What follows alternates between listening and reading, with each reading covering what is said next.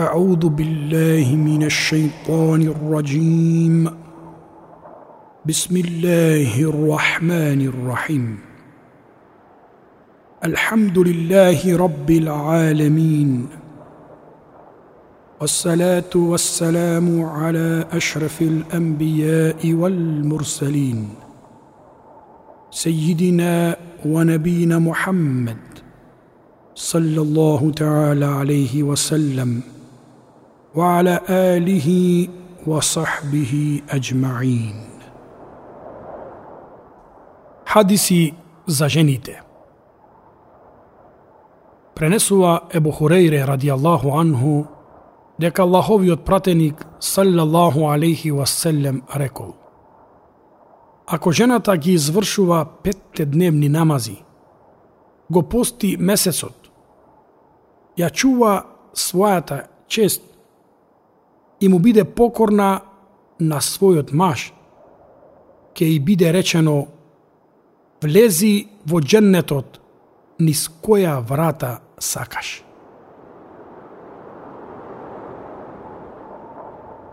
Некоја жена отишла кај Аллаховиот пратеник салаллаху алейхи васелем.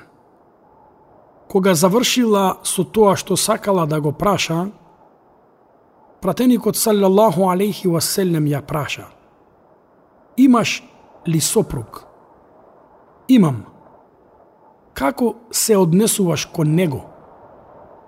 Се трудам што можам да му подарам и да го удоволам – Пратеникот салјаллаху алейхи васелем и рече Внимавај како се однесуваш со него, бидејќи тој ти е дженнет и джехеннем.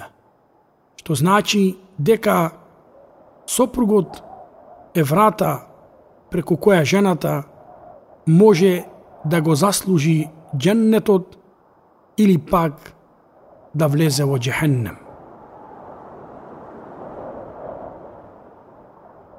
се пренесува дека Умму Селеме радијаллаху анха рекла Аллаховиот пратеник саллаллаху алейхи васелем рекол Онаа жена што ќе умре, а незиниот сопруг е задоволен од неа, ќе влезе во дженнет.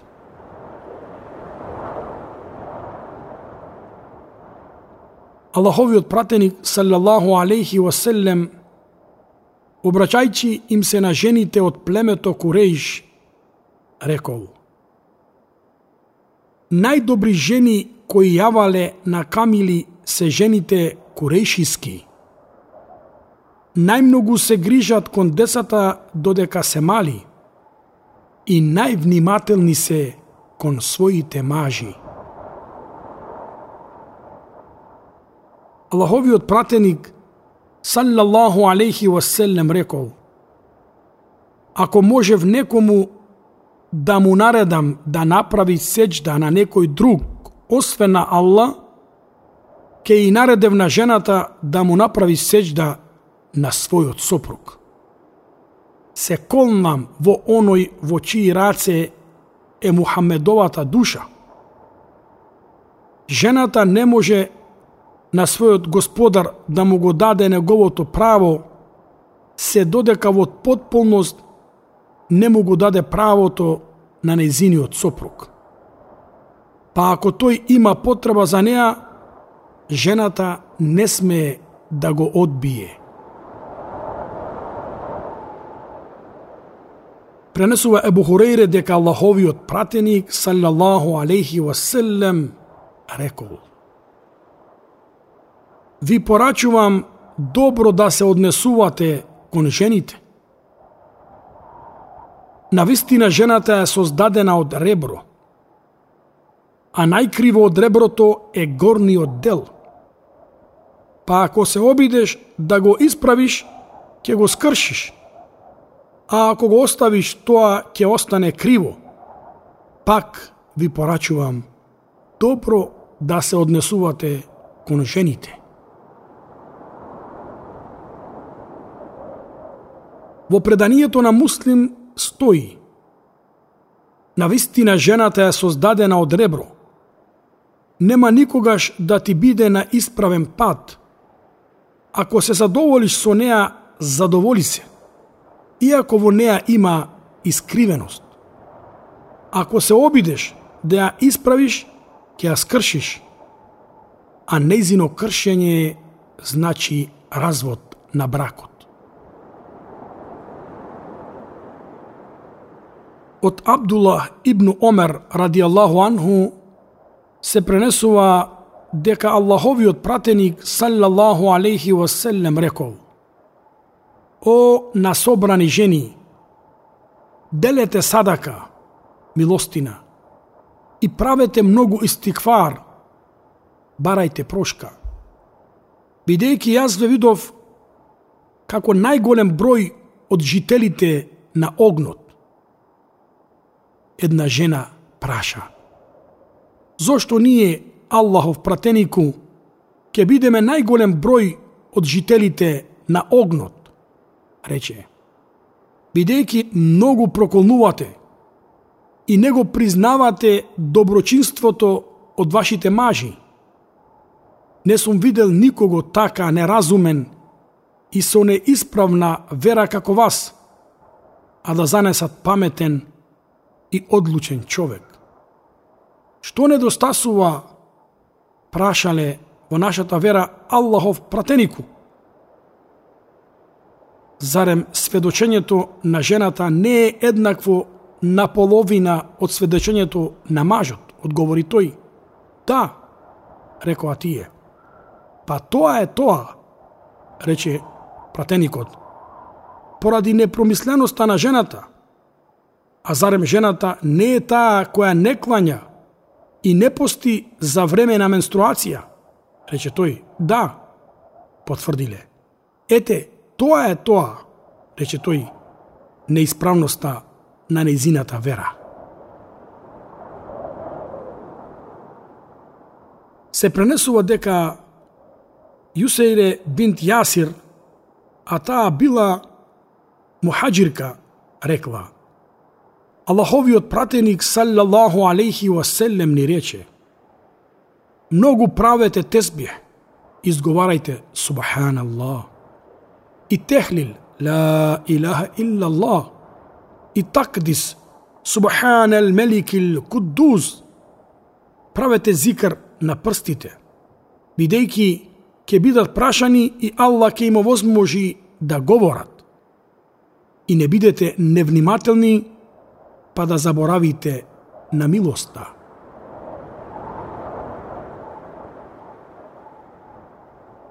Пренесува Ебу Хурейре ради Аллаху анху дека Аллаховиот пратеник саллаллаху алейхи васелем рекол Две категории на луѓе ќе бидат жители на джехеннемот.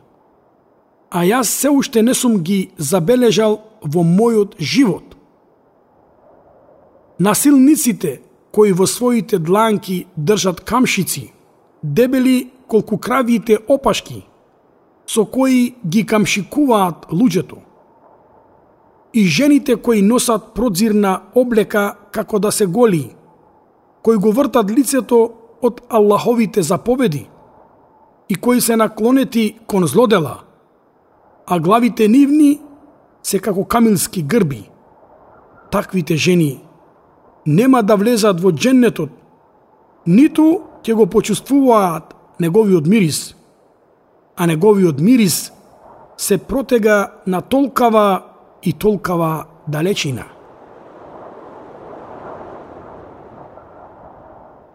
Пренесува Ебу Муса ел Ешари ради Аллаху анху дека Аллаховиот пратеник саллаллаху алейхи васелем рекол –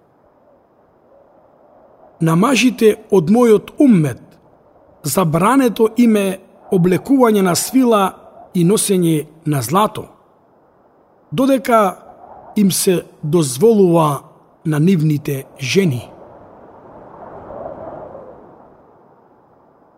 Пренесува Ибну Аббас ради Аллаху анху дека Аллаховиот пратеник саллаллаху алейхи васелем ги проколнал оние мажи кои ги имитираат на жените. И оние жени кои ги имитираат на мажите. Ибн Омер ради Аллаху анху кажува дека Аллаховиот пратеник саллаллаху алейхи васелем рекол Немојте да им забранувате на вашите жени да одат во џамија, иако нивните кучи се подобри за нив.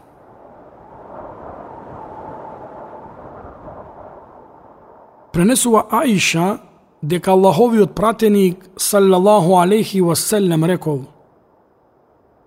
Ви се дозволува да излезете надвор од вашите кучи поради вашите потреби.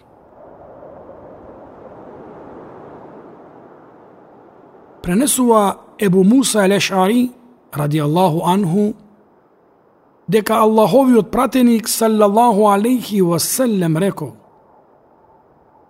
Кога жената ќе се намириса и помине покрај луѓе, со цел тие да го почувствуваат незиниот мирис, таа е тоа и тоа, кажа жестоки зборови. Во друго предание стои таа е блудничка, таа е блудничка.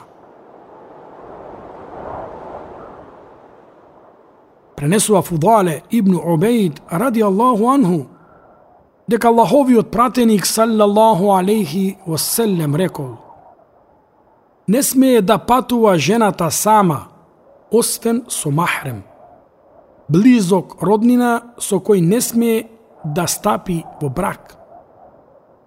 Еден човек рече, О Аллахов пратенику, јас сакам да излезам во војска така и така, а мојата жена сака да оди на Аджилак.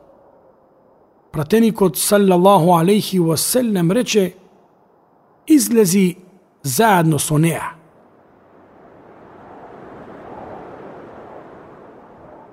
Пренесува Ебу Хурейре ради Аллаху анху дека тошле жени кај Аллаховиот пратеник саллаллаху алейхи васелем и му рекле Аллахов пратенику не можеме да стоиме заедно со мажите во твоите седенки.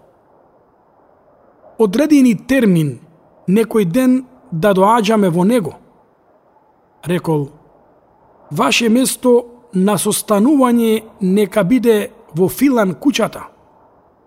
Потоа им дошол во тој ден и во тој термин.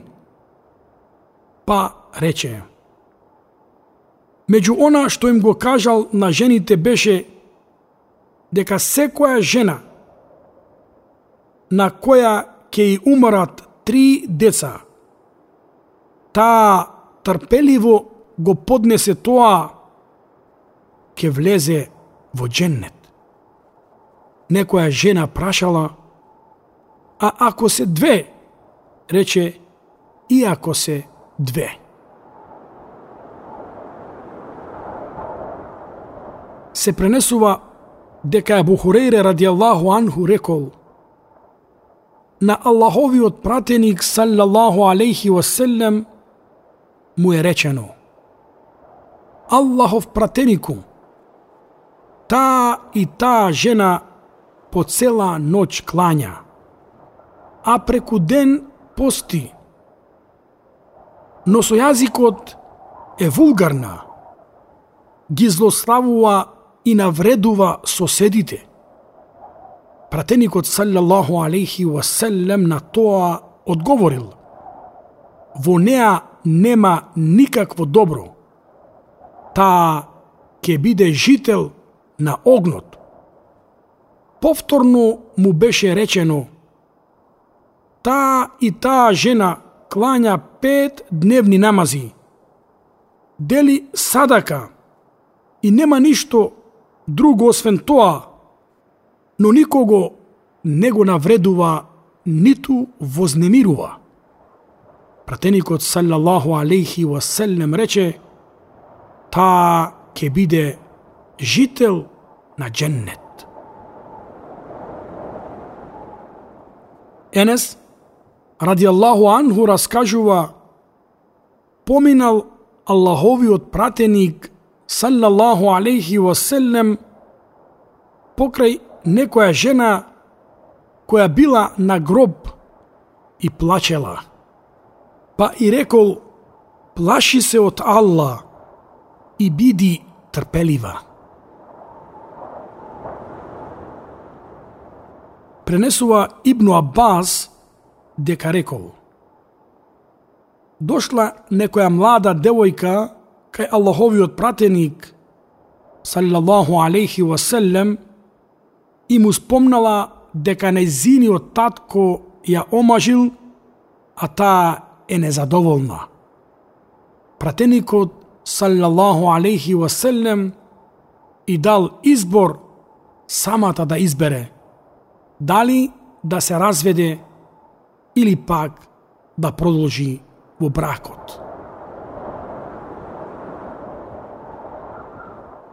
Теобан кажува Аллаховиот пратеник саллаллаху алейхи васелем рекол Која жена ќе побара од својот маж развод без некоја потреба или оправдание, неизе ќе и биде забранет мирисот на дженнетот.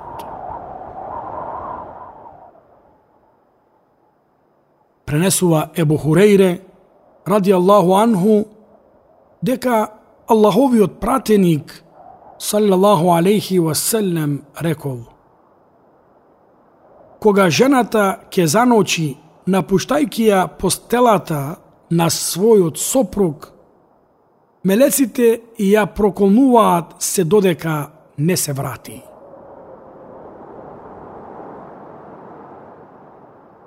Пренесува Ибну Аббас, ради Аллаху анху, дека Аллаховиот пратеник, саллаллаху алейхи васелем, рекол Покажан ми беше пеколот, Во него најголем број беа жените кои негираат. Беше кажано, Аллах го негираат, рече, го негираат мажот. Не го признаваат сопругот, го одрекуваат доброчинството. Ако на некоја од нив и направиш добро цело време, потоа забележи нешто кај тебе ќе рече немам видено од тебе никакво добро.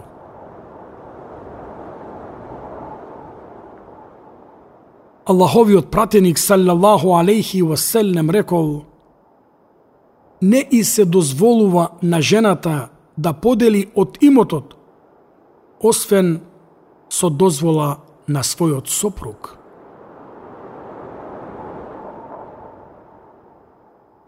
Аиша, ради Аллаху анха, раскажува дека Хинд бинт Утбе дошла кај пратеникот саллаллаху алейхи васелем и му рекла Аллахов пратенику, Ебу Суфјан, мојот сопруг е скржав човек и не ми дава она што е доволно за мене и за моето дете, освен она што ќе го земам без негово знаење. И рекол, земи на убав начин колку што ти е доволно за тебе и за твоето дете. Абдуллах ибн Масуд рекол, Аллах ги проконал жените кои се тетовираат и кои што бараат од други да ги тетовираат. Оние кои ги чупаат вегите и оние кои што тоа го прават. Жените кои ги раздвојуваат забите поради разубавување и го менуваат она што Аллах го создал. Некоја од жените му се спротивставила, па рекол, зошто да не го проколнувам оној кој Аллах и неговиот пратеник саллаллаху алейхи васелем го проколнале, а исто така се наоѓа во Аллаховата книга, она што пратеникот ви дава, земете го, а она што ви го забрани, оставете го. Сура ел-Хашр седми ајет. Алхамдулиллахи лази би ни'метихи татимму салихат. Благодарноста му припаѓа на Аллах, со чија заслуга и благодат завршуваат сите добри работи.